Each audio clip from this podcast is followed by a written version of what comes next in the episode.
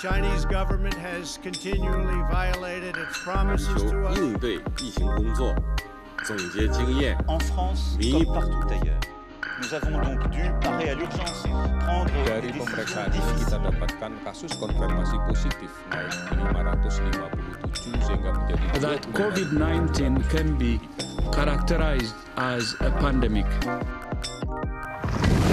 Halo semuanya, welcome back with us di Tusan Podcast. Perkenalkan, nama aku Raina dan selamat datang di episode 3. Hari ini aku ditemani oleh dua rekan, yaitu... Halo, aku Fauzi. Aku diem. Oke, saya Fauzi. Aku lagi Halo kalian berdua, apa kabar nih? baik, Rai. Baik-baik. Hmm, Bagus, bagus, bagus, bagus. Nah, di episode kemarin kan kita udah bahas mengenai dampak pandemi COVID-19 di dalam dalam bidang kesehatan. Nah, sekarang kita mau bahas apa nih, Anggi? Nah, sekarang tuh di episode 3 kita mau bahas tentang ekonomi. Nah, eh, pembicaranya itu Kak Rizky. Dia itu ketua organisasi Islam di Presiden University. Terus eh, dia juga jadi himpunan mahasiswa di jurusan Mechanical Engineering di Presiden University. Nah, sekarang jadi ketua HIPMI, eh, Himpunan Pengusaha Muda Indonesia. Nah, tanpa basa-basi lagi, mungkin kita panggilin aja langsung kakaknya. Halo Kak Rizky. Hai Kak Rizky. Halo, Kak. Ya, eh, izin memperkenalkan diri teman-teman semua. Aku Muhammad Rizky Musin, sama seperti kawan-kawan yang lain, mahasiswa Presiden University. Nah, sebelumnya kita mau berterima kasih nih buat kakak udah mau bersedia jadi narasumber kita di episode ketiga ini. Makasih banyak ya, Kak. Siap, makasih banyak juga. Terima kasih sudah mengundang di acara yang luar biasa ini. Oke deh. Nah, apa kabar, Kak? Alhamdulillah baik. Ini kawan-kawan semua gimana nih kabarnya? Alhamdulillah Alhamdulillah. Alhamdulillah. Masih bertahan. Alhamdulillah. Kakak sekarang lagi sibuk apa nih?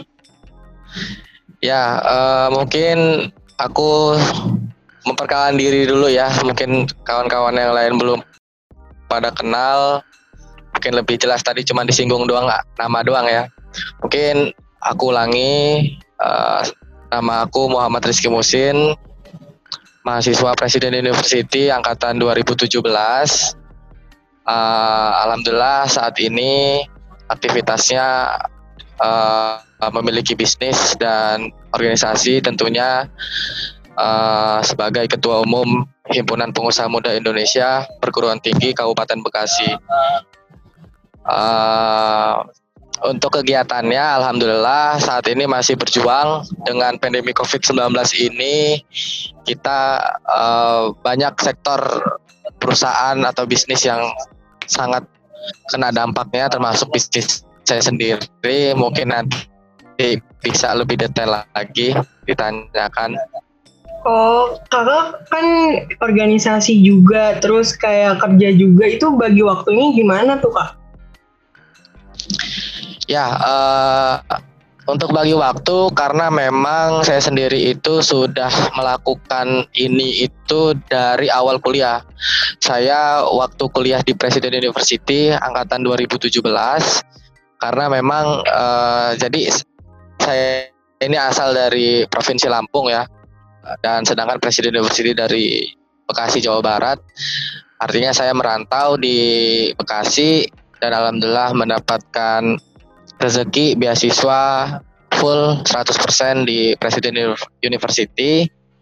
Uh, cuma memang uh, perlu adanya ya uang jajan, terus uang kuliah uh, sehari-hari, uang makan dan lain sebagainya.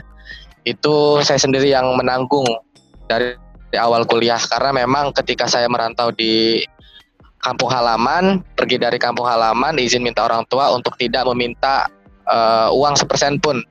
Jadi saya benar-benar survive uh, dari awal kuliah untuk bisa mencari uang sendiri dan uh, tidak minta uang sepers- sepersen pun ke orang tua. Dan akhirnya ya begini karena memang sudah dibentuk dari awal kuliah, bagaimana saya harus bisa uh, kuliah di Presiden University dengan tidak uh, terhambat ya perkuliahannya dan juga saya harus bisa mencari duit.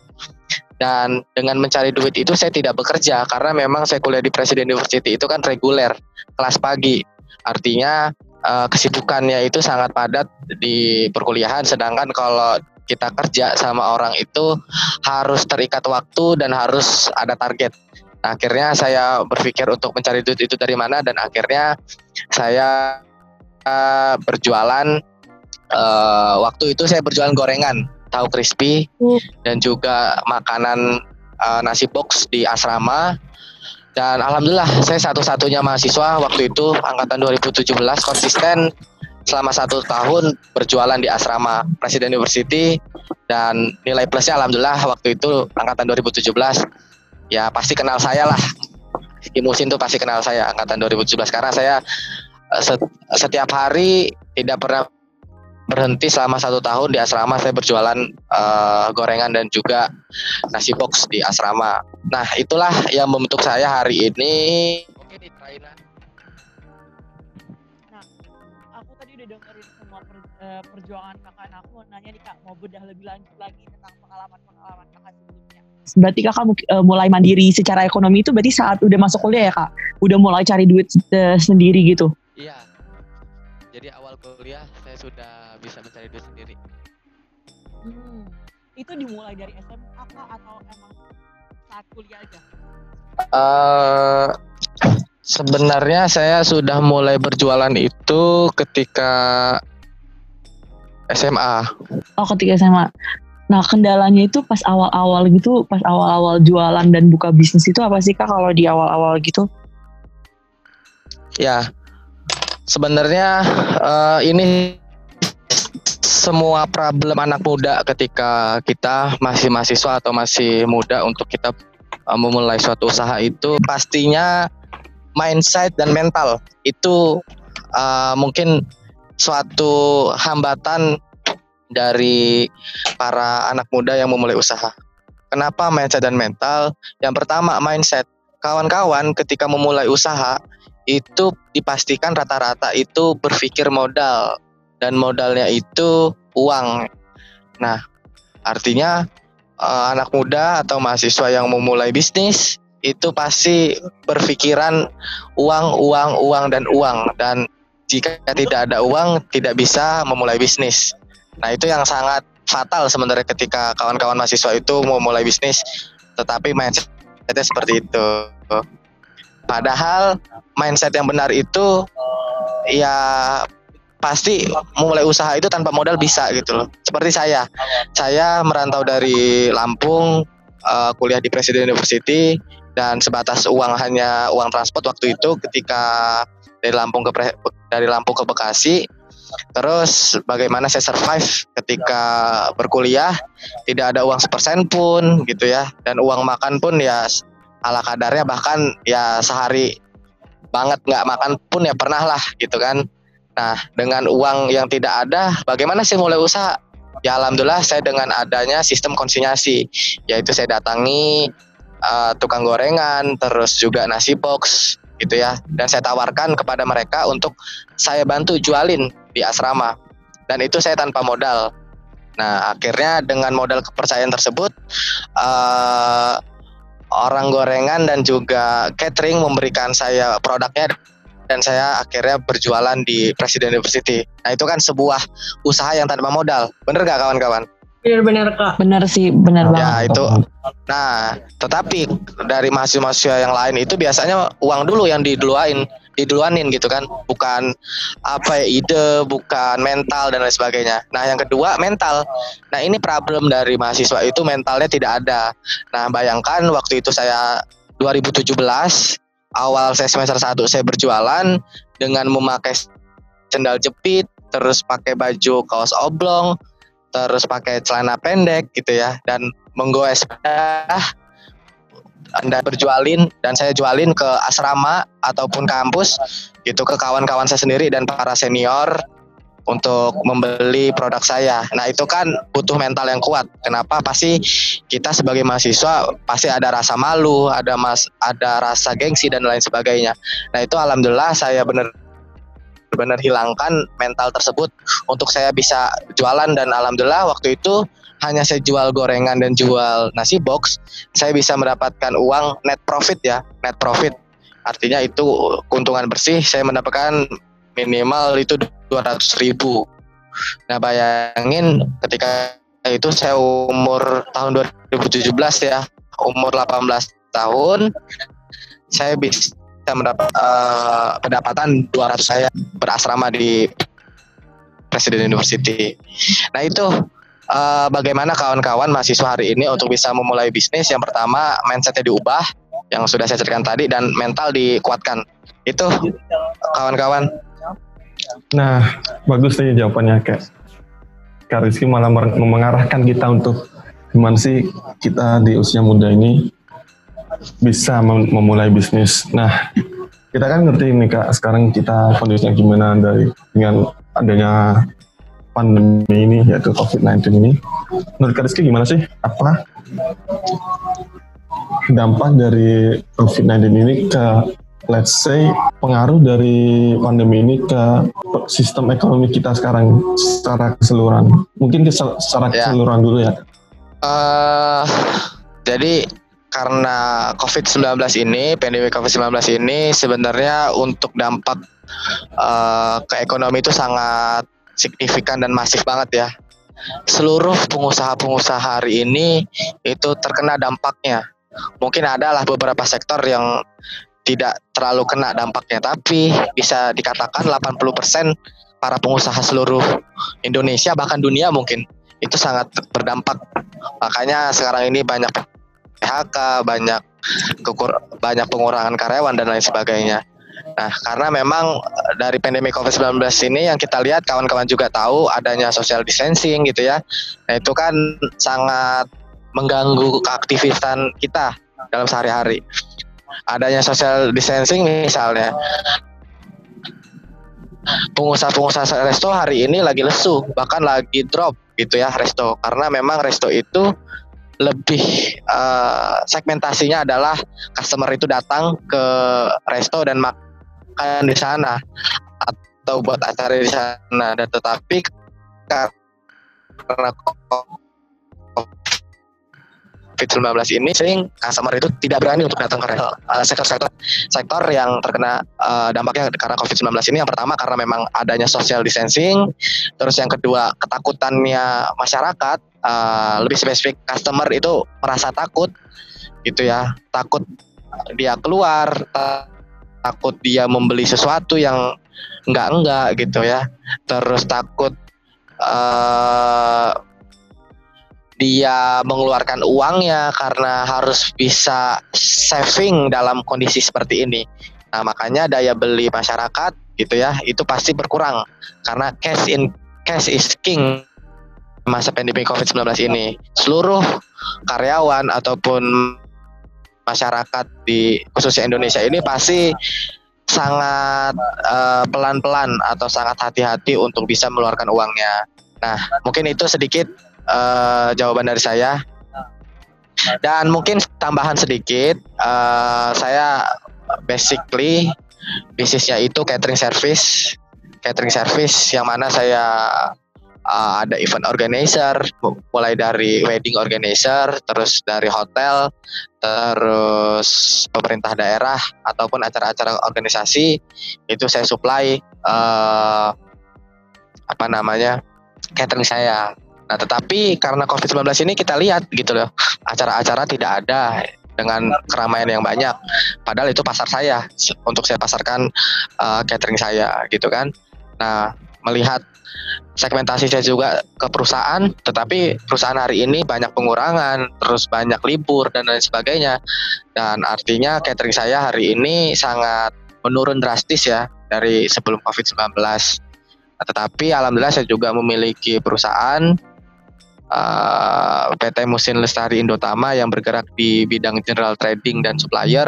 Nah, itu yang bisa menopang uh, bisnis saya. Yaitu barang apa pun itu bisa saya supply ke perusahaan ataupun ke pemerintah daerah atau apa pun itu uh, saya bisa masukkan. Itu yang bisa saya harus bisa survive dalam bisnis saya. Karena kalau saya kekeh ataupun saya fokus ke catering saya hari ini ya hari ini seperti ini kondisinya gitu. Adapun saya memiliki suatu inovatif atau kreatif dalam dunia catering ya mungkin saya ada produk food gitu ya. Yang karena frozen food untuk saya jualin ke gitu kan dengan cara saya mengirim aja tanpa perlu ketemuan. Gitu uh, Fauzi.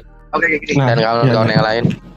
Paham banget nih kak. Kan tadi kakak juga udah ngomong nih misal dapat kakak itu 80% sektor ekonomi itu entah itu bisnis itu kena semua ya kak nah ya. kalau aku bisa kalau aku bisa simpulin nih sebenarnya bisnis Kak Rizky yang catering service itu berada di dalam 80% itu ya Kak? Ya, betul. Betul. Nah, dan bisa ditopang oleh perusahaan kakak sekarang yang general yang bergerak di bidang trading, trading dan supplier ya. Nah, itu berarti trading yeah. dan supplier itu enggak masuk dalam 80% itu ya, Kak? Sebenarnya kalau player itu kan dia produknya nggak secara spesifik ya, nggak secara spesifik. Artinya kita mau masuk uh, ke produk ATK misalnya, terus produk uh, manufaktur itu itu bisa gitu kan. Nah jadi beberapa perusahaan memang uh, banyak yang membutuhkan produk-produk yang cukup lumayan. Contohnya kemarin uh, karena saya memiliki perusahaan general trading ya, saya bisa masuk uh, produk itu masker medis dan juga hand sanitizer dan juga desinfektan. Nah itu kan kemarin-kemarin itu sangat perlu perlu banyak ya perusahaan, rumah sakit, dinas-dinas dan lain sebagainya itu sangat diperlukannya eh, barang-barang uh, tersebut. Nah akhirnya saya banting setir untuk saya berjualan Eh, barang-barang uh, tersebut gitu desinfektan, hand sanitizer dan masker. Nah itu saya, saya rasa sektor-sektor tersebut malah yang sangat drastis meningkat gitu loh. Bahkan sampai dengan harganya yang cukup berlipat-lipat daripada COVID-19 ya harganya. Mungkin kawan-kawan yang lain mengerti hal itu. Nah saya masuk ke barang-barang tersebut gitu. Artinya general trading dan supplier ini fleksibel gitu loh bisa masuk ke 80% tersebut yang aku katakan dan dan juga tidak tidak masuk gitu loh ya contohnya saya masuk eh, produk-produk yang saya sebutkan tadi gitu kan ya alhamdulillah gitu ya uh, dengan saya berjualan masker hand sanitizer dan desinfektan dengan perusahaan saya itu ke beberapa perusahaan rumah sakit dan lain sebagainya ya lumayan gitu saya jual AP, APD juga ya alat pelindung diri gitu kan mulai dari, dari kacamata Google terus hazmat terus sepatu boot uh, face shield dan lain sebagainya lah itu gitu uh, Fauzi. Berarti apa di general trading and supplier ini apa ya kak? Maksudnya bisa kita harus pintar-pintar nyari nyari peluang gitu ya kak? Ya betul. Kita harus bisa mencari peluang apa nih yang benar-benar sangat dibutuhkan misalnya kita uh, trading ke perusahaan-perusahaan. Ya so teman-teman tahu di Bekasi gitu apalagi di Cikarang ya kawasan industri Jababeka MM 2100 Delta Mas Hyundai Egypt dan lain sebagainya itu kan perusahaan-perusahaan yang di dalamnya ada ribuan perusahaan. Nah itulah market kita untuk kita bisa masuk produk kita ke perusahaan-perusahaan.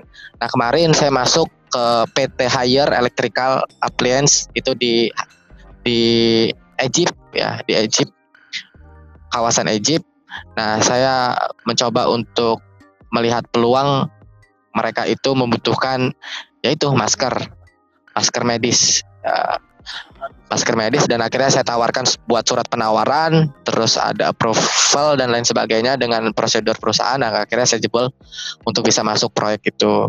Nah, seluruh perusahaan saya rasa sangat dibutuhkanlah masker dan saya juga tidak masuk uh, perusahaan PT Hire aja tapi banyak PT Sintronic, PT yang lain juga di Jababeka bahkan di beberapa kawasan yang lain seperti itu. Cuman kuncinya adalah kita harus bisa membaca peluang dan juga kita harus bisa saya rasa itu hanya kupu-kupu gitu ya. Kupu-kupu itu apa? Ya kuliah, pergi, pulang gitu ya. Pulang, pergi, pulang, pergi gitu aja. Tidak ada suatu keaktivis keaktivisan yang kita bisa berelasi kepada siapa pun. Nah, saya sudah merasakan itu awal 2017 saya kuliah. Walaupun saya berjualan waktu itu dagang di asrama bakat di kampus, saya harus bisa berorganisasi dong.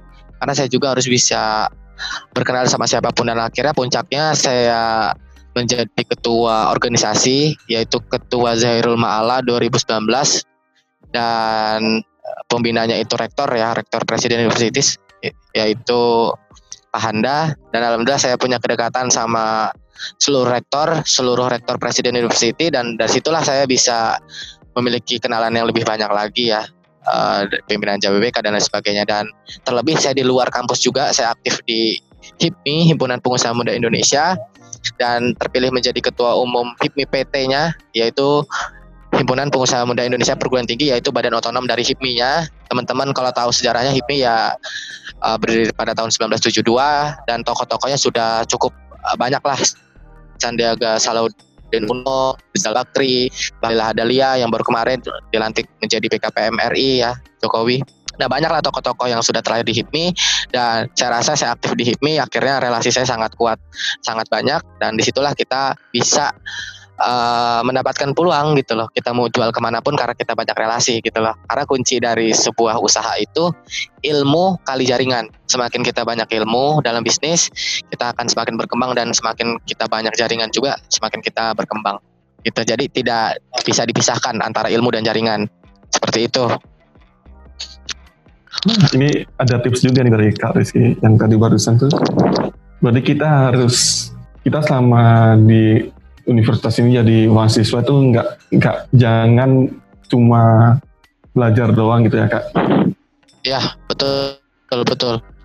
Karena gini ya uh, jadi saya juga hari ini pun masih merasa uh, apa ya merasa kaget gitu saya bisa berkuliah di Presiden University gitu ya yang dari background saya adalah orang yang tidak punya gitu kan bapak saya hanya sebagai orang supir dan ibu hanya sebagai ibu rumah tangga gitu dan adik saya banyak adik saya tujuh.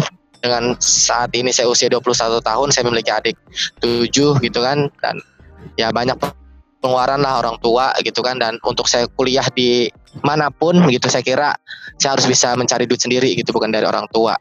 Nah, hari ini saya kuliah di Presiden University, kita melihat Presiden University itu ya sangat luar biasa lah alhamdulillah. Uh, melihat di Google gitu ya. Melihat di Google itu katanya kan uh, kampus termahal nomor satu di Indonesia tuh gitu kan. Hanya orang-orang yang berduit dan lain sebagainya.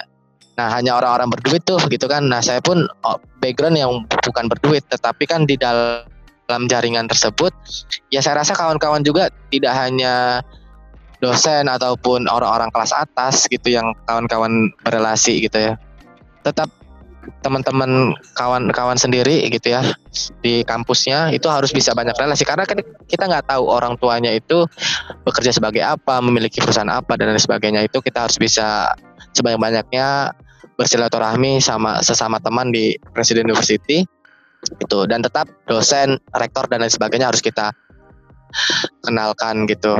Uh, seperti itu Fauzi. Nah bagus banget sih. Jadi Kak Rizky kayak malah menceritakan hidupnya yang sangat aku kaget kaget juga sih Kak. Maksudnya wow segitu susahnya perjalanan Kak Rizky ya. Ya. Mungkin aku bisa kayak apa ambil pelajaran dikit ya. Maksudnya ya. mental kita di sini benar-benar diperlukan ya kak. Ya. Wow, aku dengar cerita kakak bener-bener ngerasa kayak, hmm, aku kayak butiran debu banget ya kayaknya. Keren banget dan sangat inspiratif banget sih kak. Tapi aku mau balik lagi nih ke tadi yang 80% eh, sektor yang terkena dampak corona. Selain sektor kakak yang tadi udah diadres yang se- sektor restoran, ada gak sih kak sektor lain yang juga terkena dampak corona? Ya, untuk dampak yang pertama jelas itu kuliner ya. Kuliner itu mulai dari Iya, resto, betul kafe i- itu sangat sangat dampak banget. Terus bidang ters- bidang yang lain itu properti gitu ya. Properti hari ini eh karena kan sistem properti itu ada komersial sama ada eh apa namanya subsidi gitu ya. Nah itu semua kan eh, ada yang cash ataupun kredit. Nah kalau kredit kan artinya kita linknya ke bank. Nah bank pun hari ini karena ngelihat COVID-19 ini tidak berani untuk memberikan kredit gitu loh. Melihat karyawan yang banyak PHK gitu dan lain sebagainya. Dan pending pun lama gitu loh. Nah maka di situ properti sangat ya lumayan lesu lah gitu lumayan lesu untuk COVID-19 ini di sektor yang lebih komersial yang lebih mahal gitu loh harga-harga propertinya karena dari bank itu ber, uh, belum berani memberikan pinjaman gitu kan karena misal uh, karyawan A untuk mengajukan pembelian komersil gitu kan. Nah, terus artinya dia kan mengajukan ke bank. Nah, bank pun itu belum berani gitu memberikan pinjaman ke karyawan tersebut karena kan karyawan hari ini banyak PHK gitu kan tiba-tiba PHK dan lain sebagainya kan bank pun takut gitu loh. Nah, makanya itu dampaknya dan melihat social distancing juga para marketing marketing properti pun kan tidak banyak banyak apa banyak uh, menawarkan produk-produknya seperti itu. Dan di bidang-bidang lain di bidang-bidang lain ya banyak lah. Untuk hari ini yang lagi growth itu ya farmasi lah. So jelas karena hari ini banyak uh, penyakit gitu. Uh, farmasi sedang sedang growth hari ini. Properti terus kuliner terus bidang-bidang apalagi ya yang menurut saya yang terkena COVID-19 uh, transportasi ya, Kak? gitu oh, ya. Transportasi benar juga. Ya, trans ya transportasi itu lagi lesu banget karena perjalanan para masyarakat ya dihambat karena ada PSBB dan lain sebagainya gitu kan. Banyak bus yang mangkrak gitu ya, banyak yang parkir karena tidak berjalan. Eh, Terus juga pariwisata ya, pariwisata kita melihat di Bali dan sebagainya itu kan tidak ada kunjungan internasional gitu kan. Bahkan nasional pun masyarakat tidak berbondong-bondong untuk pariwisata. Gitu. Jadi mungkin saya melihat sektor-sektor tersebut lah dan masih banyak sebenarnya sektor-sektor yang kena COVID-19 gitu loh. Tetapi yang itu yang saya tandain. Tetapi yang lagi growth yaitu bidang farmasi dan juga bidang uh, fast moving customer good atau F, F MCG ya seperti Unilever gitu kan produk-produk sarian lah produk-produk sarian karena memang masyarakat social distancing atau PSBB, karantina dan sebagainya itu kan sangat sangat dibutuhkan lah fast moving tersebut gitu kan. Fast moving itu tidak hanya uh, berupa ini ya berupa pasta gigi dan sebagainya, tetapi produk-produk makanan yang fast moving pun, itu lagi di growth. Itu. Nah kak, tadi kan kakak udah jelasin tuh kak banyak banget tentang sektor-sektor yang terkena dampak positif ataupun dampak negatif dari pandemi COVID-19 dan menurut aku tuh penjelasannya udah sangat amat lengkap.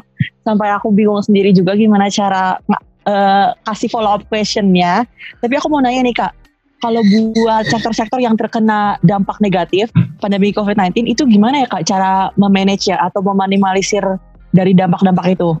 Ya, kita melihat di dalam COVID-19 ini uh, kita sebagai pengusaha harus bisa bertahan ya di dalam bidang masing-masing. Nah, saya melihat bagaimana kita survive, kita bisa fleksibel di dalam pandemi COVID-19 ini dalam kondisi seperti ini. Kita melihat dulu nih bidang mana karena beda-beda kita harus bisa bertahan ya. Itu kan di dalam uh, kuliner belum tentu sama seperti properti dan begitu pun sebaliknya.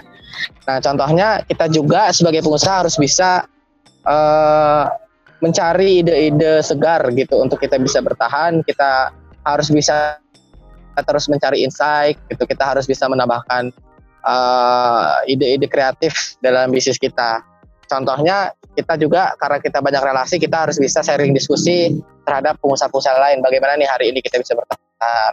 Nah banyak hari ini pun apalagi kita melihat new normal ya banyak seminar-seminar yang uh, dibuat oleh komunitas-komunitas pengusaha gitu kan. Nah, kita harus bisa mengikuti itu, mengikuti uh, webinar tersebut atau pelatihan tersebut untuk kita bisa mencari insight-insight ataupun pandangan pandangan-pandangan bagaimana kita bisa bertahan. Nah, contohnya kita melihat dalam bisnis itu ada namanya bisnis plan ya, secara uh, kecilnya atau secara dasarnya itu ada namanya bisnis model canvas. Kita melihat ya ada sembilan elemen ya, ada segmen, terus ada value proposition, ada channel revenue stream dan lain sebagainya. Mungkin saya akan lebih jelasnya itu di value proposition. Nah, kita juga harus bisa melihat nih kondisi seperti ini. Mungkin uh, value proposition sebelum COVID-19 ini tidak pas ketika ada COVID-19 ini. Nah, artinya kita juga harus bisa melihat nih mana yang pas untuk value atau nilai-nilai apa yang kita berikan kepada customer kita dalam pandemi COVID-19 ini gitu. Ada pengurangan ataupun ada penambahan itu tergantung bisnis masing-masing gitu ya. Contoh eh, catering gitu ya. Catering hari ini saya melihat dan saya rasakan juga gitu kan eh, segmentasi saya itu itu event organizer, acara-acara besar gitu ya, pernikahan dan lain sebagainya.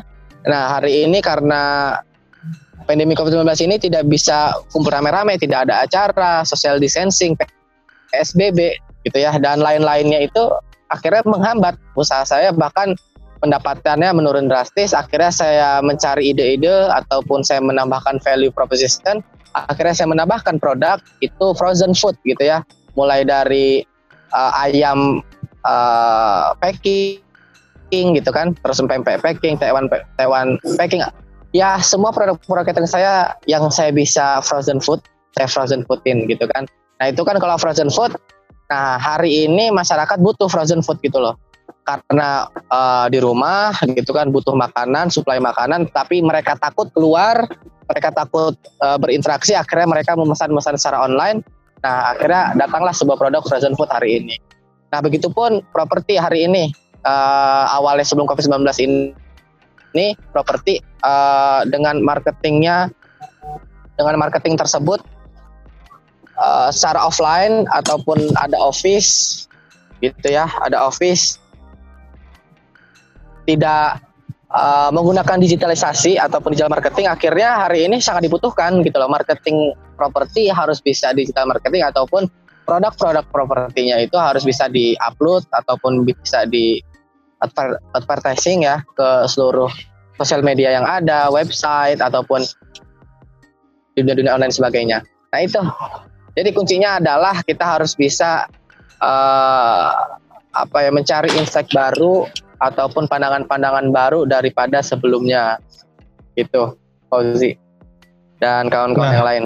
Nah, aku agak tertarik sama waktu Kak Rizky membahas tentang bisnis modal transfer. Soalnya yang saya tahu itu value proposition itu adalah value kita ya kak. Maksudnya value bisnis kita yang itu menurut saya nggak boleh diubah karena itu identitas kita gitu kak. Ya. Nah tapi karena kondisi kita yang apa susah seperti ini mungkin Hmm. emang sangat perlu ya kak untuk kita bikin BMC dari bisnis kita versi COVID-19 ini ya kak untuk kita Ya. untuk Ya. mengharuskan mengharuskan kita untuk apa beradaptasi dengan kondisi seperti ini ya kak. Ya, jadi di dalam di dalam value proposition itu kita juga harus bisa fleksibel melihat situasi dan kondisi. Contoh, misalnya value proposition saya itu memiliki produk uh, dengan kualitas yang bagus di dalam event organizer dan saya tok di situ aja event organizer organizer organizer gitu kan. Nah hari ini kan melihat pandemi ini kan apa ya ya kurang adanya event-event dan sebagainya gitu lah. Akhirnya ya eh, bisnis saya tidak jalan dong kalau saya terus menjalankan value proposition saya hari ini gitu kan. Nah, makanya harus bisa fleksibel dalam value pro- proposition. Tetapi eh, apa ya dalam bisnis DNA identity gitu bahasanya itu kita harus tidak boleh boleh boleh beda gitu dalam bisnis gitu loh. Tetapi kalau value proposition saya rasa ya itu bisa fleksibel lah karena adanya BMC ya bisnis model canvas itu kan harus bisa mengikuti zaman gitu loh. Mengikuti zaman Setuju setuju. gitu. Bisa diubah-ubah terserah. Nah ya ya Ya. Eh, Kak Muksin, eh Kak Muksin, Ya. aku Ya. juga mau nanya nih, kan eh, apa properti itu marketing pada WFA, pembeli juga di rumah gitu.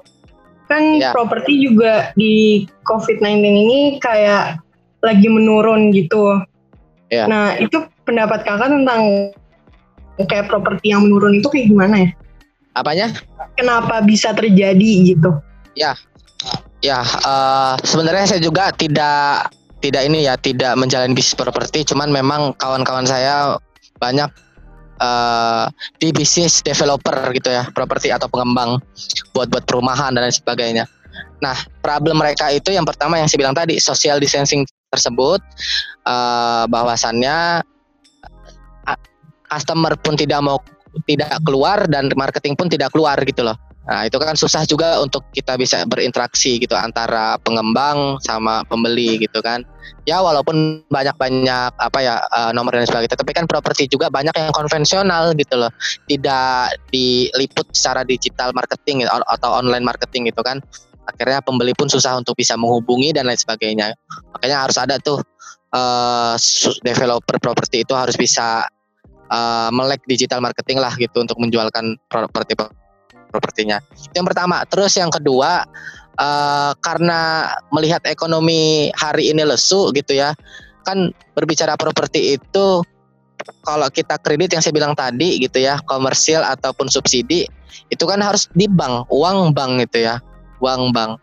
Nah, itu bank pun itu pasti mempendingkan uh, ataupun malah tidak tidak bisa cair gitu loh untuk pembeli-pembeli uh, properti. Makanya banyak properti-properti yang hari ini susah kejual karena contoh karyawan, misalnya kan kebanyakan kayak komersil ataupun uh, subsidi itu kan pembeli-pembelinya karyawan ya.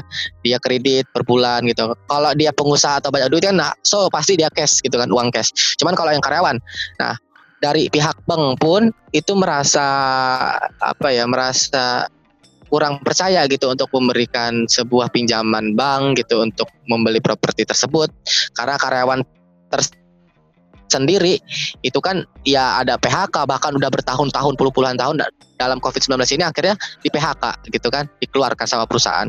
Nah itu kan kalau misalnya terjadi seperti itu kan nanti dirugikan banknya tersendat lah biaya dan sebagainya. Nah tetapi kalau pihak bank pembelinya itu ASN misalnya seperti kerja di pemerintahan yang PNS dan sebagainya itu pasti diberikan karena memang kan sepanjang sepanjang perjalanan hidup pasti kan dikasih subsidi sama negara gitu kan.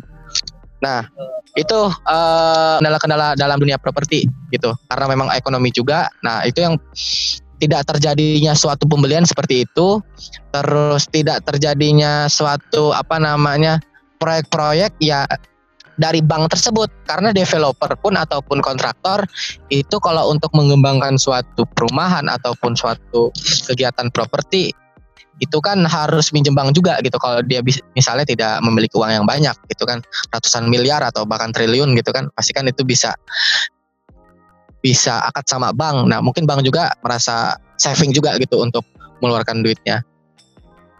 Itu sedikit pengetahuan saya tentang bagaimana hari ini properti tidak bisa uh, masif seperti sebelum COVID-19 gitu. Wah, aku setuju banget sih sama kata-kata kata kakak tadi yang sebelumnya yang kata kakak kalau caranya gimana cara meminimalisir dampak itu ya lihat dari sektornya kan dan tadi kakak udah ya, udah sempat uh, udah sempat address nih beberapa sektor seperti restoran, hmm. properti dan ya. nah tapi kalau pariwisata sendiri kak yang terkena dampak COVID-19 yang sangat amat besar gimana sih kak cara meminimalisirkannya uh, menurut pendapat kakak ya dan apalagi kan apalagi kalau untuk sektor-sektor pariwisata kecil yang kayak uh, even kayak cuma jualan di tempat wisata itu kan kayak sangat amat yeah. membutuhkan um, turis asing gitu untuk membuat bisnis mereka lancar. Itu gimana tuh kak? Ya. Kalau untuk pariwisata ini menurut pandangan saya juga ya kita melihat karena pandemi ini so pasti uh, penerbangan secara internasional dari Indonesia ke luar negeri ataupun luar negeri Indonesia itu sangat sangat jarang banget gitu kan. Nah, artinya pariwisata itu tidak tidak hidup uh, dengan uh, customer yang dari luar gitu kan. Mungkin dari nasional pun sama gitu karena memang melihat hari ini pandemi, social distancing terus kulu uh, kerjanya di rumah apa-apa di rumah gitu kan dan orang juga takut berpergian. Ya, saya saya kira uh, untuk pariwisata itu kalau dia uh, full untuk melaksanakan kegiatan ataupun sebuah bisnis itu sama seperti COVID-19 saya kira bisa stagnan lah. Ada stagnan stagnan stagnannya gitu kan. Karena kayak gitu kondisinya. Cuman uh, banyak juga perusahaan-perusahaan saya lupa ya saya, saya lupa. Banyak pariwisata pariwisata yang di luar negeri pun mengeluarkan produk-produk baru gitu. Misal kayak pariwisata virtual gitu loh. Nah artinya karena masyarakat Indonesia atau bahkan ya di luar-luar sana itu work from home gitu ya di rumah-rumah terus gitu kan nah butuh hiburan dan sebagainya akhirnya mengeluarkan produk virtual gitu loh nah customer itu untuk berpergian itu hanya di rumah gitu secara virtual nah itu kan uh, bisnis yang baru gitu kan di dalam COVID-19 ini. Bahkan sebelum COVID-19 ini kan mungkin kurang viral dan kurang ada tuh uh, bisnis bisnis yang seperti itu. Nah, adanya pandemi ini ya ternyata di dalam sektor-sektor pariwisata apa ya me, memberikan bisnis yang baru yaitu virtual pariwisata gitu kan. Nah, mungkin di Indonesia pun uh, kurang tahu saya apakah sudah ada atau belum uh, secara bisnis di Indonesia ya. Mungkin kalau di luar negeri sudah sudah sudah ada beberapa perusahaan yang bergerak di di bisnis seperti itu gitu kan. Itu menurut saya kalau di pariwisata gitu kan. Contoh pariwisata juga ya pariwisata itu ya macam-macam ya banyak ya pariwisata ya. Mungkin itu saya kira uh, Mbak Raina Mbak Raina oh iya benar benar banget sih uh, properti. Mm -hmm. karena untuk untuk, oh, untuk pariwisata. oh iya sorry sorry untuk pariwisata. Iya properti mulu. Untuk pariwisata saya kira kalau kita bertahan seperti itu terus ya tidak bisa. Tetapi bagaimana pariwisata ini harus bisa apa challenge ataupun bisa uh, apa ya uh, bertahan lah gitu. Minimal dia bertahan sampai dengan akhir tahun ataupun sampai dengan nanti pandemi Covid-19 ini tidak terlalu masif lagi gitu loh. Nah minimal seperti itulah pariwisata bagaimana dia bisa bertahan ataupun bisa bertahan bisnisnya sampai dengan nanti uh, dengan normal yang seperti dulu gitu. Berarti mungkin balik lagi ya kakak tips kakak yang sebelumnya itu tadi ya mengganti ya. atau mungkin merubah dikit sedikit bisnis model lebih tepatnya value proposition ya. dari produk kita sendiri itu ya. Hmm. Ya, ya, bener, ya bener bisa diganti lah mulai dari value propositionnya, mulai dari channelnya, mulai dari revenue streamnya itu itu bebas lah mana mana yang bisa di bisa kita ubah-ubah tergantung masa sekarang ini nah. seperti apa gitu. Betul. Nah, uh, aku udah cukup puas nih buat dari dampak uh, negatif uh, sektor-sektor dari COVID, pandemi COVID-19. Nah, Kak, tapi sekarang aku mau nanya nih Kak, kalau ciranya dampak sektor-sektor yang terkena dampak positif dari COVID-19 ini, menurut kakak ada kemungkinan nggak sih mereka akan setelah selesainya pandemi, mereka akan mungkin bisnisnya gak jadi lancar kah, atau mungkin um, pemasukannya menurun kah, kayak gitu? Mungkin nggak sih kak? Ya. Ya kalau kalau dalam usaha ya kemungkinan kemungkinan itu pasti ada lah kemungkinan kemungkinan itu pasti ada. Kita melihat misalnya di di bidang farmasi hari ini kan lagi lagi banyak banget nih lagi dibutuhkan gitu kan mulai dari vitamin, mulai dari obat-obatan dan sebagainya itu kan sangat sangat diperlukan gitu kan di dalam COVID-19 ini. Cuman selesai selesai COVID-19 ini kan mungkin ya new normal gitu banyak banyak yang uh, tidak sakit lagi dan sebagainya ya bisa aja gitu kemungkinan untuk bisa omsetnya tidak terlalu signifikan gitu misalnya kayak masker juga gitu kan masker akhirnya hari ini berbondong-bondong masyarakat menggunakan masker mungkin misalnya tiga tahun empat tahun lima tahun gitu kan akhirnya bisa hidup dengan normal walaupun mungkin ya kata-katanya sih corona nggak bakal hilang itu seumur hidup katanya kata-kata penelitian Aduh, lah, jangan gitu kan. sih kak jangan sampai ya, sih kak. corona tidak hmm. tidak akan pernah hilang kan karena kata Mardigu Wawik tuh katanya kan Iya, benar. Kata Mardigu Wawik gitu kan. Nah, ya ada kemungkinan juga gitu, ada kemungkinan kemungkinan kemungkinan itu pasti ada gitu. Nah, kak, kalau tadi kan e, gimana cara dampak negatif itu bisa diminimalisir? Nah, kalau dampak positif ini gimana cara untuk mempertahankannya? Apa tuh kak? Dari kalau tips-tips dari kakak? Uh, sebenarnya polanya sama ya di dalam di dalam bisnis saya rasa dari kita startnya itu negatif ataupun kita startnya itu dari positif sekalipun kita harus bisa melihat uh, kondisi seperti ini apa yang sangat dibutuhkan uh, masyarakat dalam apalagi secara spesifik bidang kita gitu loh. Nah makanya ada pola mungkin teman-teman nggak tahu ya udah diajarkan atau enggak di dalam kampus itu ada konsep namanya design thinking gitu ya dan ada namanya creative thinking nah design thinking itu apa lah kita harus bisa dalam pengusaha gitu kita punya bisnis kita harus bisa mencari apa yang hari ini sangat dibutuhkan pada masyarakat dan problem-problem apa yang sangat dibutuhkan masyarakat gitu kan. Nah, dari situlah bisnis kita keluar untuk bisa menyelesaikan pro- problem tersebut dan dan adalah sebuah profitnya untuk menyelesaikan problem-problem tersebut gitu kan. Nah, contohnya secara spesifik bidang gitu kan bidang apa nih gitu kan kita bisa aja buat ini uh, questionnaire gitu ya questionnaire ke customer ataupun ke masyarakat masyarakat Indonesia apa kiranya bisnis kita itu diperlukan mereka tuh seperti apa gitu loh. Mungkin distribusinya seperti apa apa yang mereka butuhkan di dalam bidang kita. Nah artinya ide-ide dalam bisnis itu tidak tertimbul dalam otak kita aja tetapi dari customer kita sekalipun bahkan mas masyarakat-masyarakat luas itu bisa menilai bahkan bisa memberikan ide-idenya. Nah, jadi kita akan kaya ide ketika kita memiliki konsep design thinking. Nah, ya begitu. Jadi ya saya kan maksudnya tidak bisa meramal-meramal nih ke depan seperti apa dan lain sebagainya. Cuman polanya sama lah. Saya kira polanya sama. Gitu. Nah, bagus sekali. Ya, benar Kak. Kita hmm. untuk design thinking dan creative thinking mungkin belum diajarkan, tapi ya lumayan lah udah denger-denger dikit. Mungkin Iya nanti bisa cuma, belajar di YouTube lah ya. Bisa ya, belajar di YouTube. Ya bisa. Banyak sekarang. Ya. Nah, aku mau ya, banyak sekarang. Ya. Jadi sekarang mungkin semuanya harus adaptasi dan beralih, bukan beralih sih ya. Mungkin memanfaatkan dunia virtual dengan lebih baik gitu ya kak. Iya.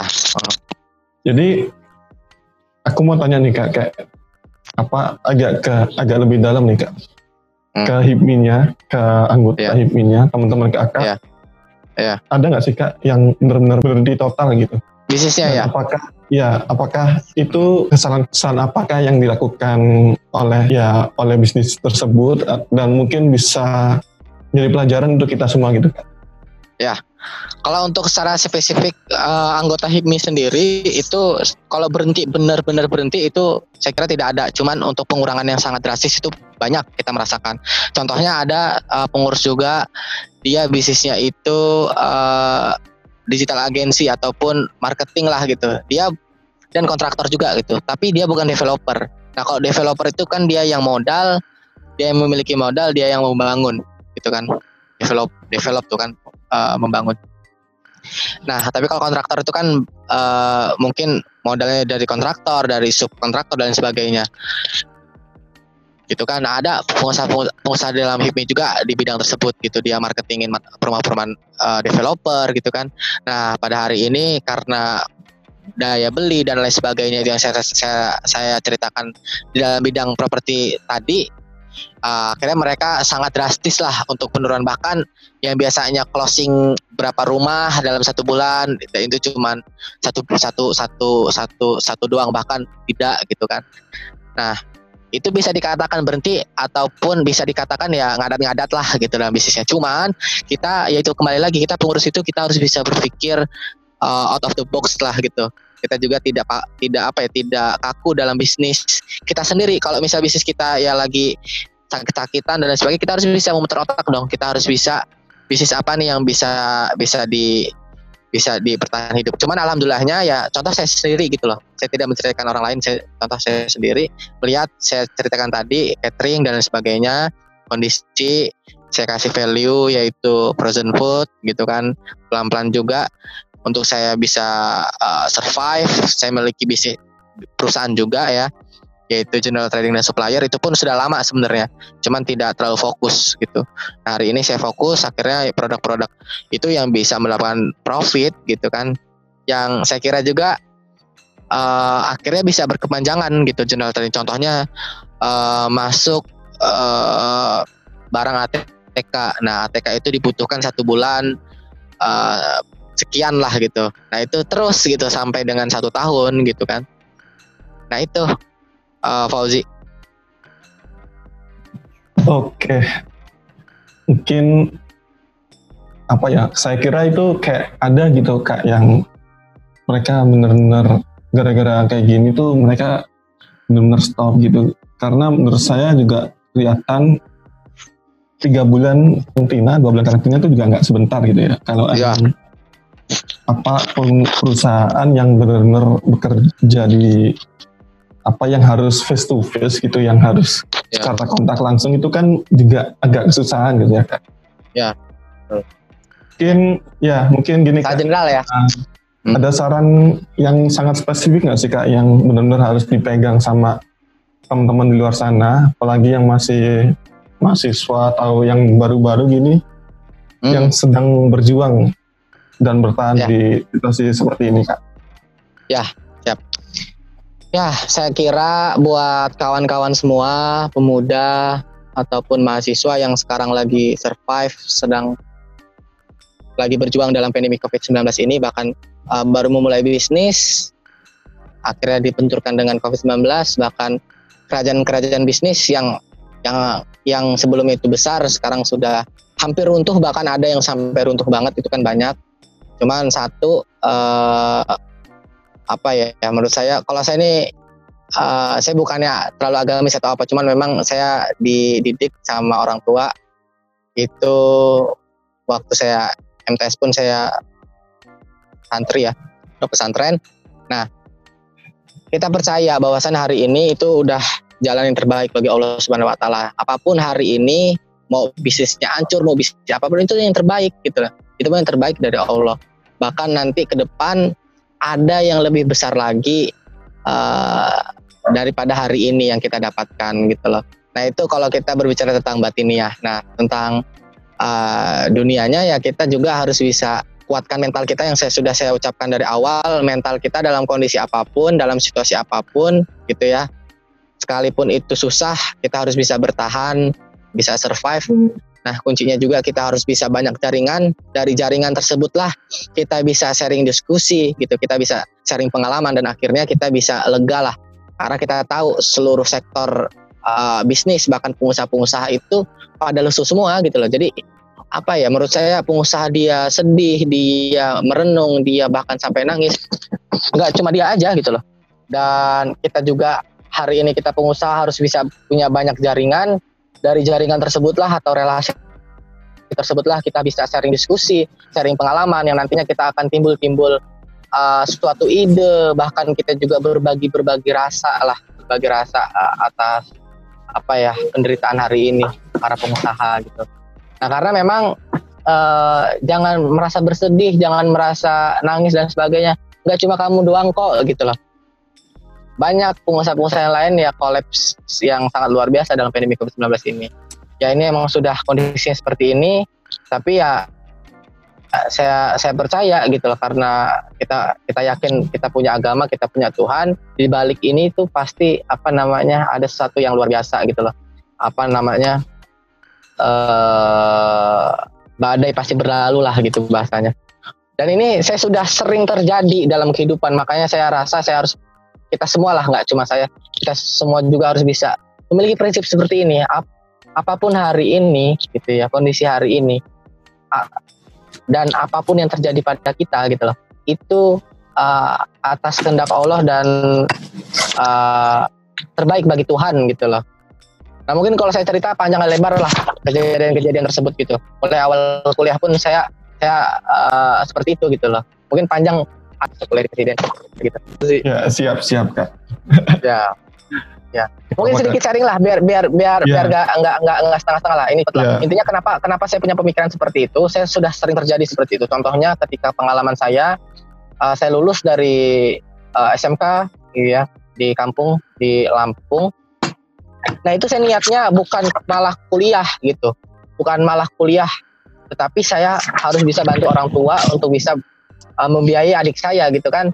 Saya harus bisa bekerja gitu loh. Karena memang di Bekasi ini banyak ribuan perusahaan saya harus bisa kerja dong di salah satu perusahaan perusahaan tersebut gitu. Nah tetapi sepanjang perjalanan tiga bulan setengah akhirnya saya tidak apa namanya tidak mendapatkan pekerjaan dan saya merasa putus asa lah.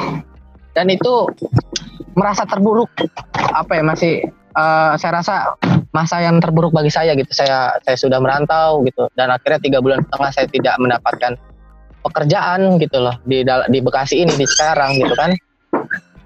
Nah saya kira itu adalah keadaan yang terburuk bagi saya. Tapi malah itu adalah keadaan yang terbaik bagi saya bagi Allah.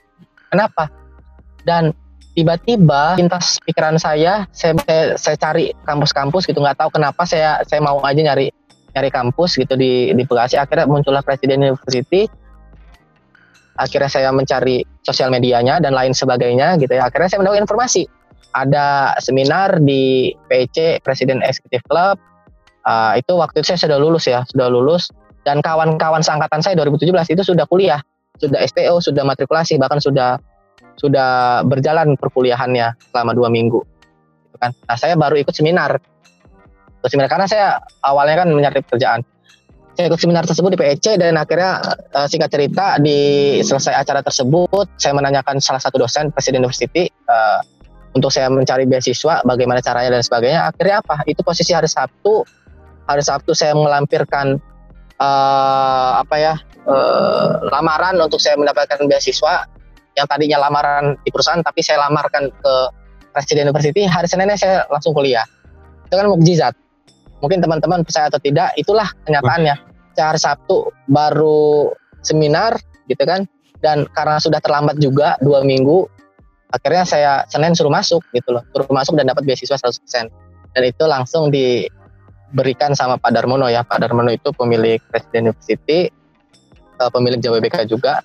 Dan uh, perpanjangan tangannya dari kepala jurusan aku sendiri itu Memli Anggreni uh, kepala jurusan teknik mesin. Nah itu kan mujizat gitu loh. Yang tadi saya melak, yang saya kira itu ada keadaan terburuk, tapi itu ada keadaan terbaik bagi Allah. Jadi saya itu tidak pantas untuk saya bekerja di perusahaan, tetapi kamu harus bisa kuliah. Nah hari ini alhamdulillah ketika kuliah saya bisa berrelasi lebih luas lagi, bisa mencari ilmu yang lebih luas lagi, bisa survive lagi. Gitu. Fauzi sangat inspiratif sekali. Jadi kayak karena Kak Rizky ini juga ketua organisasi organisasi Islam di kampus kita, jadi kayak ceramah gitu ya kak ya. Oh. Tapi sangat sangat inspiratif sekali sih. Nah mungkin kalau yang bisa aku simpulkan dari saran-saran kakak yang pertama itu kan ya oke lah kita ini semua makhluk makhluk bertuhan kan ya kak Hmm, hmm, hmm. Mungkin nggak semua, tapi beberapa dari kita adalah makhluk yang bertuhan gitu. Jadi kita ya. harus percaya aja sama jalan yang terbaik karena ya. ya menurut saya pun everything happens for a reason gitu ya. ya. Semua jadi ya. karena nggak nggak asal-asalan gitu. Semua terjadi karena ada alasannya. Alasan ya. Nah mungkin kalau Islam ya ini mungkin jalan terbaik dari Allah. Mungkin untuk ya. ah, yang lain itu jalan terbaik menurut apa kepercayaannya mungkin iya. intinya sama ya kak. Semua itu semua ini adalah jalan yang terbaik buat kita. Iya betul. nah yang jadi kedua, santai mungkin, aja bro gitu. nah ya oke okay, siap. Santai tapi tetap tetap adaptif ya, ya kak ya. Ya terlalu adaptif kedua mungkin belajar. Nah yang kedua mungkin aku kayak addressnya kayak lebih ego gitu ya kak ya. Karena sebenarnya nggak cuma dia aja gitu loh yang lagi susah gitu.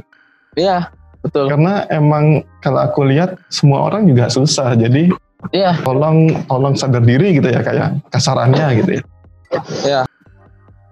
Nah itu mungkin ada lanjutannya. Nah karena kalian itu nggak cuma apa yang susah itu nggak cuma kalian. Jadi kalian harus bisa pinter-pinternya cari link, cari teman yang bisa dibuat kerja bareng gitu ya kak intinya. Iya. Caranya bisa sharing diskusi. Ya untuk sharing-sharing dan lain-lain begitulah. Dan sharing ilmu hmm, bertukar pikiran dan lain-lain. Sering berbagi cerita. Ya. Dan ya. yang terakhir yaitu mungkin aku bisa simpulin learn from your experience ya kak. Jadi kalau dilihat dari Kak Rizky itu pengalamannya sangat sangat naik turun ya berliku-liku. Jadi mungkin kita harus bisa belajar dari pengalaman-pengalaman kita sebelumnya. Ya. Dan ini apa COVID-19 ini pandemi ini bisa dijadikan titik titik balik kita juga ya kak. Maksudnya titik ya titik rendah kita itu ya waktunya sekarang gitu loh kak. Untuk kita bangkit ya. gitu ya. harus ya. belajar dari pengalaman ini biar kita besok-besok kalau ada apa-apa pun bisnis kita tetap bisa jalan gitu ya kan karena ya saya sangat setuju kalau ini juga termasuk sebuah latihan mental gitu ya kak. Untuk penguatan mental. Iya. Betul betul. Nah sangat eh, sangat bagus sekali kak. Saya sangat approve saya sangat setuju Aina Prof. Aina bisa ya, ya. lanjut. Nah mungkin udah cukup kali ya diskusi kita untuk hari ini. Menurut aku ya. banyak banget sih informasi yang aku terima hari ini. Uh, mulai Ya. dari tips mulai dari tips atau informasi dari dampak COVID-19 pada bidang ekonomi atau bahkan sampai tips-tips cara memulai bisnis dan juga sebagai penutup saya uh, Ya. kami mengucap terima kasih lagi untuk kakak sudah bersedia di uh, diundang di acara kami. Siap. Ya, aku juga Baik. makasih banyak atas kekurangannya juga, mohon maaf. Ya terima kasih juga kak. Mohon maaf juga jika ada kekurangan. Jujur, jujur aku deg-degan banget. Jadi bener-bener grogi banget. Ya, dari Untuk sekarang Lah aku, sama-sama. Enggak loh, aku nih sama-sama mahasiswa Karena lah, emang sama gitu, teman-teman gitu loh. Cuman beda cuman beda 2 tahun juga kan aku 2017, teman-teman 2019. Pas selisih 2 tahun doang. Bukan berarti aku udah alumni yang udah udah udah jauh gitu kan. Hari ini pun masih Iya. kuliah juga sama kayak teman-teman, masih kuliah daring, masih dosen killer, masih. Oh, siap. Cuma kan bedanya ya ada ada tanggung jawab di bisnis lah yang harus diemban. nggak tahu kenapa sih grogi banget. Mungkin karena ngelihat pengalaman kakak dan background kakak yang sangat amat inspiratif banget bagi aku. Udah sih sekian segitu aja. Terima kasih. Siap, siap. Terima kasih. Terima kasih Terima kak. kasih kak.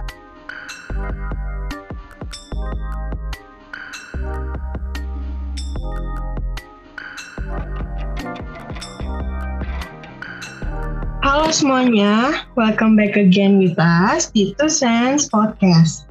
Tadi kan di episode 3 udah ngomongin ekonomi secara luas bersama Kak Rizky dari Ketua HIPMI. Sekarang di episode 3 part 2, kita mau ngomongin apa nih Rai?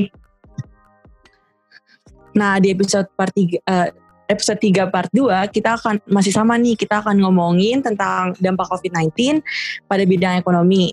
Nah, seperti episode sebelumnya, kita juga akan mengundang salah satu juru bicara untuk menjadi narasumber di episode hari ini. Nah, di mana kita tunggu, tunggu lama-lama, yuk kita sambut aja yuk untuk narasumber hari ini. Selamat siang Pak Suhan. Selamat siang juga Selamat Teh. siang, Pak.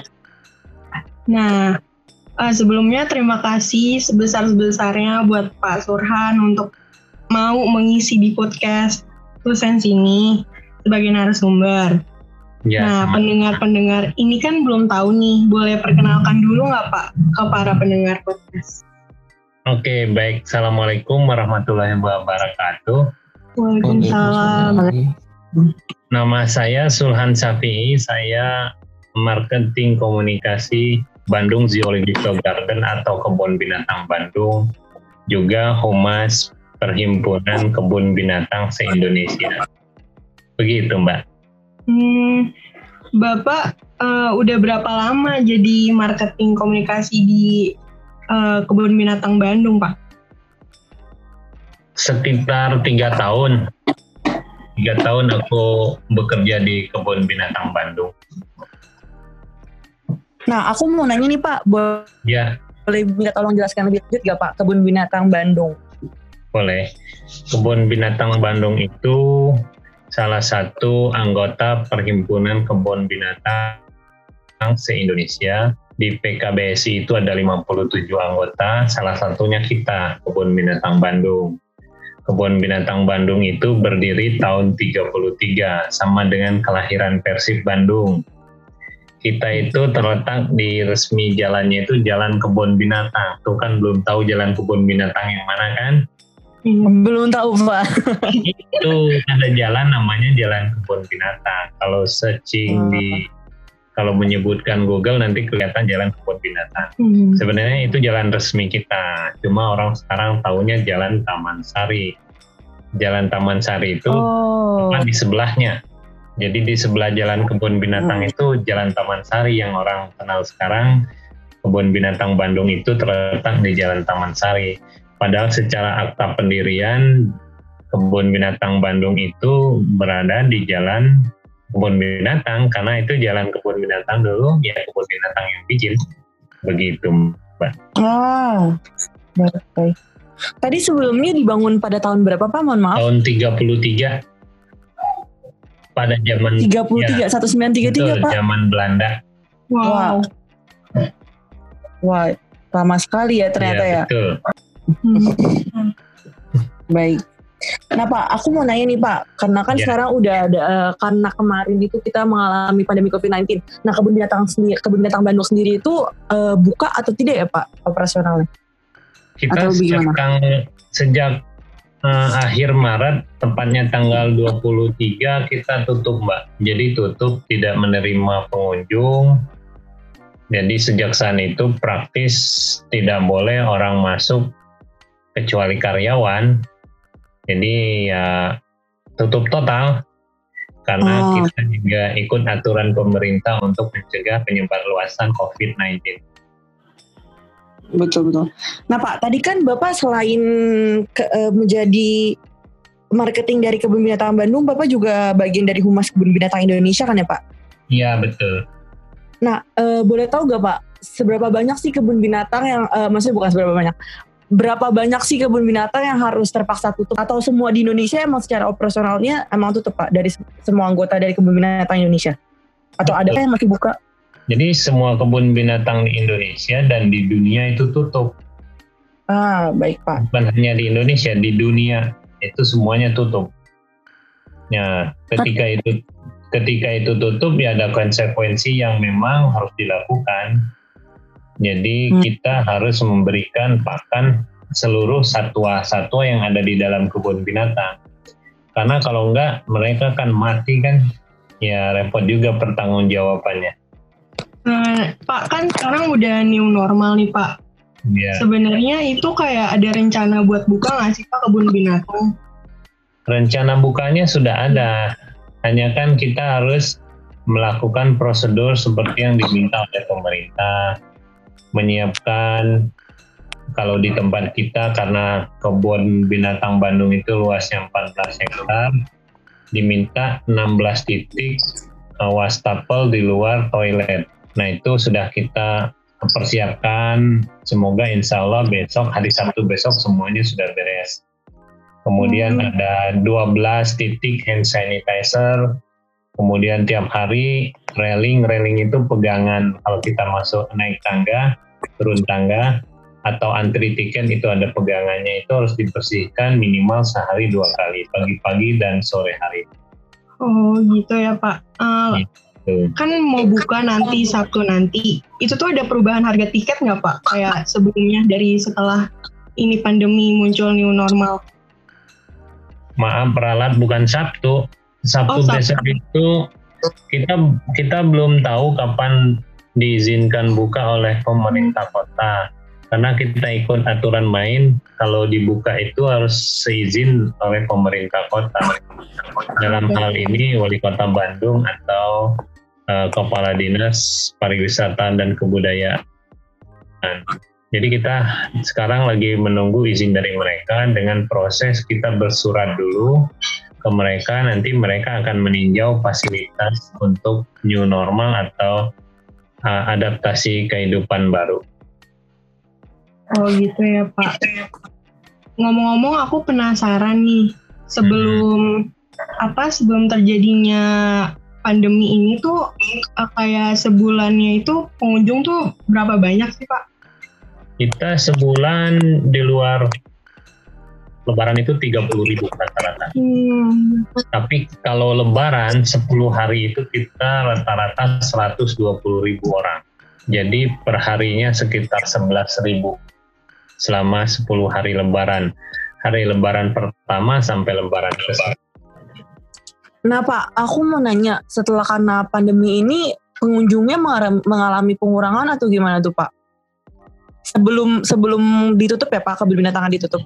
Sebelum ada kebijakan pemerintah untuk menutup eh, tempat-tempat pariwisata. Sebelum dit- ditutup kita pengunjungnya terus turun karena kesadaran masyarakat juga sangat tinggi. Mereka tidak mau apa terjangkit COVID-19 atau virus itu, jadi mereka sudah eh, jarang atau disebut tidak mau berkunjung ke area publik termasuk kebun binatang Bandung. Sehari sebelum tutup Hmm. pengunjung kita itu hanya dua orang. Waduh. Nah Pak, aku mau nanya nih Pak, selama kalau gitu selama pas kita pas sudah tutup dan sebelum Hmm. masa-masa eh, pandemi mulai mulai eh, mohon maaf sebelum kebijakan pemerintah untuk menutup tempat-tempat pariwisata eh, itu gimana sih Pak eh, operasionalnya di, di dalam kebun binatang karena kan nggak ada profit yang masuk kan Pak? Ya. Kita itu selama buka harga tiket kita itu 40.000 per orang dewasa anak dan dewasa dan anak-anak sama 40.000.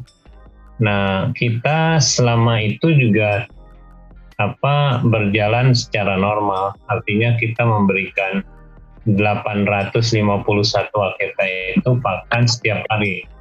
Jadi kita harus memberikan pakan ke mereka karena kalau tidak kita nanti melanggar hak-hak kesejahteraan satwa. Jadi di satwa itu ada namanya animal welfare atau kesejahteraan satwa. Itu mereka harus terbebas dari satu rasa lapar, rasa takut dan berbagai macam lainnya. Nah selama tutup itu tetap kita lakukan. Kita itu selama normal, selama sebelum tutup kita itu hampir 300 juta per bulan untuk memberikan pakan ke mereka. Nah, setelah tutup kita kurangi sedikit. Di bawah itu artinya ada penyesuaian, ada beberapa satwa yang kita substitusi pakannya atau kita kurangi untuk menjaga keberlangsungan kebun binatang Bandung. Itu yang kita lakukan, Mbak. Hmm, baik, Pak. Nah, kan makanannya tuh kayak dikurangin gitu, Pak itu yeah. kayak mempengaruhi binatangnya nggak sih uh, kalau jenis makanannya diubah gitu? Yes, benar Mbak. Jadi mempengaruhi kondisi satwanya. Misalnya uh, kucing-kucing uh, besar seperti macan tutul Jawa, harimau Sumatera, singa, harimau Benggala, itu kan jenis karnivor yang pemakan daging selama ini kita kasih 50%, 50% perbandingannya itu antara daging sapi dan daging ayam. Misalnya satu harimau Sumatera kita makan sehari 10 kilo. Mereka dua hari sekali makan, jadi sehari makan besoknya libur. Sehari makan besoknya libur. Nah, pada saat pandemi dan tutup kita kurangi menjadi 8 kilo. Komposisi pakannya juga kita ubah menjadi 5 kilo daging ayam, sisanya baru daging sapi. Artinya ada perubahan di kualitas pakan, tapi mereka tetap kita jaga kesehatannya karena tim dokter kita juga standby untuk memantau kesehatan semua satwa. Sebenarnya yang paling mahal ya itu kucing-kucing besar Kemudian yang mahal juga itu gajah. Gajah itu kalau berat badannya 4 ton, dia harus makan sekitar 200 kg atau 300 kg rumput gajah per hari. Itu rumputnya doang, belum makanan tambahan seperti tebu, jagung, pisang, pelet, terus beberapa hal lainnya yang juga harus dimasukkan atau disiapkan untuk si gajah. Nah, kita memiliki dua ekor gajah, ya itu yang kita lakukan, kita harus mempersiapkan untuk pakan mereka. Nah, Pak, aku mau nanya, um, kalau boleh tahu, karena kita nggak karena di kebun binatang Bandung nggak dapat profit, itu finansialnya dari mana ya kak, Pak, untuk kelangsungan biaya kelangsungan hewan-hewannya? Dari tabungan, kan perusahaan harus punya saving hmm. Kalau terjadi emergensi yang seperti sekarang. Dan itu kita pakai dana cadangan kita yang memang itu harus ada karena kita bukan hanya sekarang apa kejadian yang harus seperti ini. Dulu kalau teman-teman ingat atau mungkin pernah baca berita flu burung ya kejadiannya hampir seperti itu juga meskipun tidak tutup tapi pengunjungnya sangat berkurang perharinya cuma 50 orang. Artinya kan itu juga tidak bisa menutupi kos operasional kebun binatang karena secara struktural kita itu memiliki 121 sampai 140 karyawan. Nah, untuk gajinya saja itu sudah tidak mencukupi. Tapi bagaimanapun kita harus tetap berjalan karena tanggung jawab pada satwa yang ada di dalam kebun binatang. Berarti selama masa pandemi ini belum ada ya Pak donasi untuk kebun binatang Bandung? Atau bagaimana Pak? Alhamdulillah donasinya ada Mbak. Jadi berbagai kalangan warga Jawa Barat dan warga Bandung itu ternyata apa sangat berempati terhadap keberlangsungan hidup satwa di kebun binatang. Jadi sejak tutup pertama kali, kemudian setelah tiga minggu setelah itu kita mendapatkan donasi dari uh, beberapa orang di Bandung dan juga di luar Bandung mereka mendonasikan uh, dalam bentuk pakan dan juga uang yang dibelikan untuk pakan. Ya, itu yang dilakukan oleh warga Bandung dan beberapa yang mendonasikan termasuk Wali Kota Bandung Mang Odet, kemudian ada juga Ketua MPR, banyak lagi ada juga perusahaan seperti nah, kalau mau disebut namanya Jogja Supermarket, kemudian ada 4848 Travel, kemudian ada juga beberapa uh, perusahaan swasta lainnya juga membantu kita dan termasuk individu-individu dan perorangan ataupun kelompok yang membantu mendonasikan pakan dan uang begitu mbak. Wah kalau begitu aku sangat sangat amat salut sih untuk donatur-donatur dari kebun binatang Bandung ya karena pada padahal pada biasanya ya yang aku tahu itu uh, di saat kita lagi masa masa sulit seperti ini yang di mana kita semua merasakan setiap individu merasakan kerugian kayak orang-orang tuh pasti donat donasinya ke sesama manusia dan binatang itu kurang diperhatikan ya pak. Ya, tapi betul. untungnya, hmm, tapi untungnya uh, dari pihak wali kota Bandung sendiri pun bahkan ikut membantu ya pak di kebun binatang Bandung. Iya betul. Mereka juga sebenarnya tidak menyangka bahwa ada selain manusia ada satwa yang harus diselamatkan karena yang namanya betul, betul. nah yang namanya kebun binatang itu unik mbak kalau kita punya hotel Kenapa, Pak? tinggal kita tutup saja misalnya kalau perusahaan tinggal kita tutup standby kan security kalau ini nggak bisa kita tutup tapi ada satu yang harus kita tetap jaga kalau enggak mereka perlahan mati semua nanti hmm. benar banget sih betul banget Pak mau tanya dikit nih Pak Ya. Uh, kan tadi kan Bapak bilang karena apa duit apa uangnya finance-nya itu dari tabungan ya Pak? Betul. Nah berarti karyawannya juga tetap digaji dari uang-uang tabungan itu ya Kak? Apa? Ya betul. Tetap jadi operasional semua dari dana tabungan itu namanya dana cadangan. Hmm. Jadi dana cadangan itu untuk bayar listrik, bayar pajak, kemudian bayar gaji karyawan, memberikan membeli pakan selama tutup. Itu yang kita gunakan. Terus kalau boleh tanya agak agak kasar dikit sih Pak. Ada, ada nggak sih Pak kayak karyawan yang di PHK atau diberhentikan sementara gitu gara-gara situasinya yang ya tidak ada pemasukan tapi pengeluaran tetap banyak gitu Pak. Jadi kita itu memiliki kategori karyawan, ada karyawan tetap, ada karyawan kontrak, ada karyawan harian. Pada saat mulai ditutup 23 Maret, kita mulai memberhentikan atau tanda kutip merumahkan karyawan harian kita yang jumlahnya 40. Mereka kita rumahkan dengan kita berikan sembako untuk bertahan hidup, tapi tidak dibayar gajinya. Nah, yang masuk itu hanya karyawan kontrak dan karyawan tetap. Nah, kemudian setelah mulai pembukaan, persiapan pembukaan, karyawan harian itu kita panggil lagi. Oh, berarti sekarang udah mulai dipanggil lagi itu ya, Pak? Ya, mereka sudah bekerja sekarang, sudah mulai bekerja lagi. Ah. Meskipun belum buka ya. Iya karena emang kan sekarang kita lagi itu ya Pak maksudnya dibuka secara bertahap gitu ya Pak Iya betul tinggal menunggu apa kalau main bola izin dari wasitnya nah. ya dari pemerintah kota.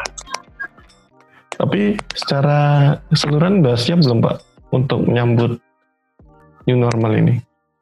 Kita sudah mempersiapkan banyak hal membuat yang tadi saya informasikan ada 16 titik uh, wastafel yang itu disyaratkan oleh pemerintah kemudian ada minimal 12 titik hand sanitizer, kemudian setiap hari harus dilakukan pengelapan di railing pagi-pagi dan siang hari setelah break makan siang itu semua railing harus dibersihkan dengan bahan-bahan desinfektan agar sterilisasi tetap terjaga. Jadi itu yang kita lakukan, Kang. Nah, kalau kita tangkap berarti yang ditingkatkan itu sektor kebersihannya ya Pak ya untuk mensterilkan dan lain-lain gitu. Betul. Jadi nilai positif dari COVID-19 itu kita menjadi hidup lebih bersih, lebih terjaga. Itulah yang kita lakukan. Jadi di fasilitas umum seperti kita juga wajib kita lakukan karena kalau tidak pemerintah juga tidak akan memberikan izin pembukaan area wisata objek atau objek wisata. Iya benar-benar. Mungkin yang lain ada pertanyaan lagi? Mungkin untuk terakhir aja nih Pak, uh, ada pesan nggak Pak untuk para pendengar di luar sana? Uh, saya hanya mengucapkan beribu-ribu terima kasih. Alhamdulillah masih ada perhatian dari warga Bandung atau siapa pun itu yang ikut mendonasikan hartanya atau ke apa kekayaannya ke kebun binatang Bandung untuk menjaga keberlangsungan hidup dari satwa-satwa yang kami miliki.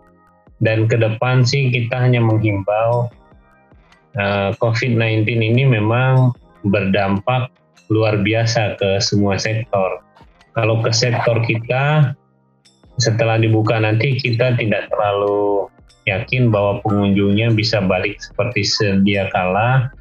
Ya tapi apa pun itu kita tetap akan buka karena yang be ingin berekreasi atau mengunjungi objek wisata tetap ada meskipun tidak banyak ya. Artinya adalah konsekuensinya pendapatan kita tidak sebaik seperti dulu dan itu kita akan lakukan ya banyak inovasi terhadap kebun binatang kita lah dan mohon dukungan warga Bandung atau siapa pun di luar sana untuk menjaga kelestarian dari satwa-satwa kita. Ya benar benar. Nah setelah dengar semua ini itu rumit ya Pak kayak pengeluarannya besar tapi pemasukannya kecil. ya begitulah Mbak kan kalau mau disebut Tuhan atau Allah itu sudah membuat desain seperti ini agar iya. kita juga tersandar. Jadi tidak perlu sombong, tidak perlu arogan. Jadi kita harus melihat oh ternyata Allah juga memberikan hal seperti ini itu agar kita jauh lebih giat. Kalau mau dibilang lebih sabar, lebih dekat ke Allah atau Tuhan, begitu mbak. Nah kita juga uh, berencana menyelenggarakan donasi nih Pak. Hmm. Tapi kita Eh, nggak uh, nawarin uang yang sampai berjuta-juta, cuma sejumlah yang kita mampu gitu. Ya. Uh, Bapak bisa bersedia? Boleh. Kalau saya boleh cerita, pendonasi pertama kita itu hanya 8 biji pepaya dan 20 atau 23 jambu batu atau jambu klutuk kali ya kalau orang hmm. publik tahu. Jadi itu yang mendonasikan pertama. Dia nge-WA saya Pak boleh saya sumbang? Sedikit kok Pak. Ini hanya 8 biji pepaya dan jambu klutuk hmm. saya bilang bukan besar kecilnya. Donasi itu adalah bentuk perhatian dari seseorang ataupun siapa pun itu. Yang kita nilai bukan apa besar kecilnya tapi empatinya yang kita inginkan Oke Pak, nah tadi kan kita udah dengar ini dari Pak Sulhan tentang dampak-dampak yang dirasakan kebun binatang Bandung. Uh, kami juga memberikan kesempatan kalian untuk turut membantu kebun binatang Bandung dengan cara uh, berdonasi, berdonasi yang dananya akan kami alokasikan langsung kepada kebun binatang yang di Bandung. Nah, untuk informasi lebih lengkapnya lagi, nanti kalian bisa cek ya di Instagram kita at twosense.org. Yuk teman-teman jangan lupa untuk donasi ya.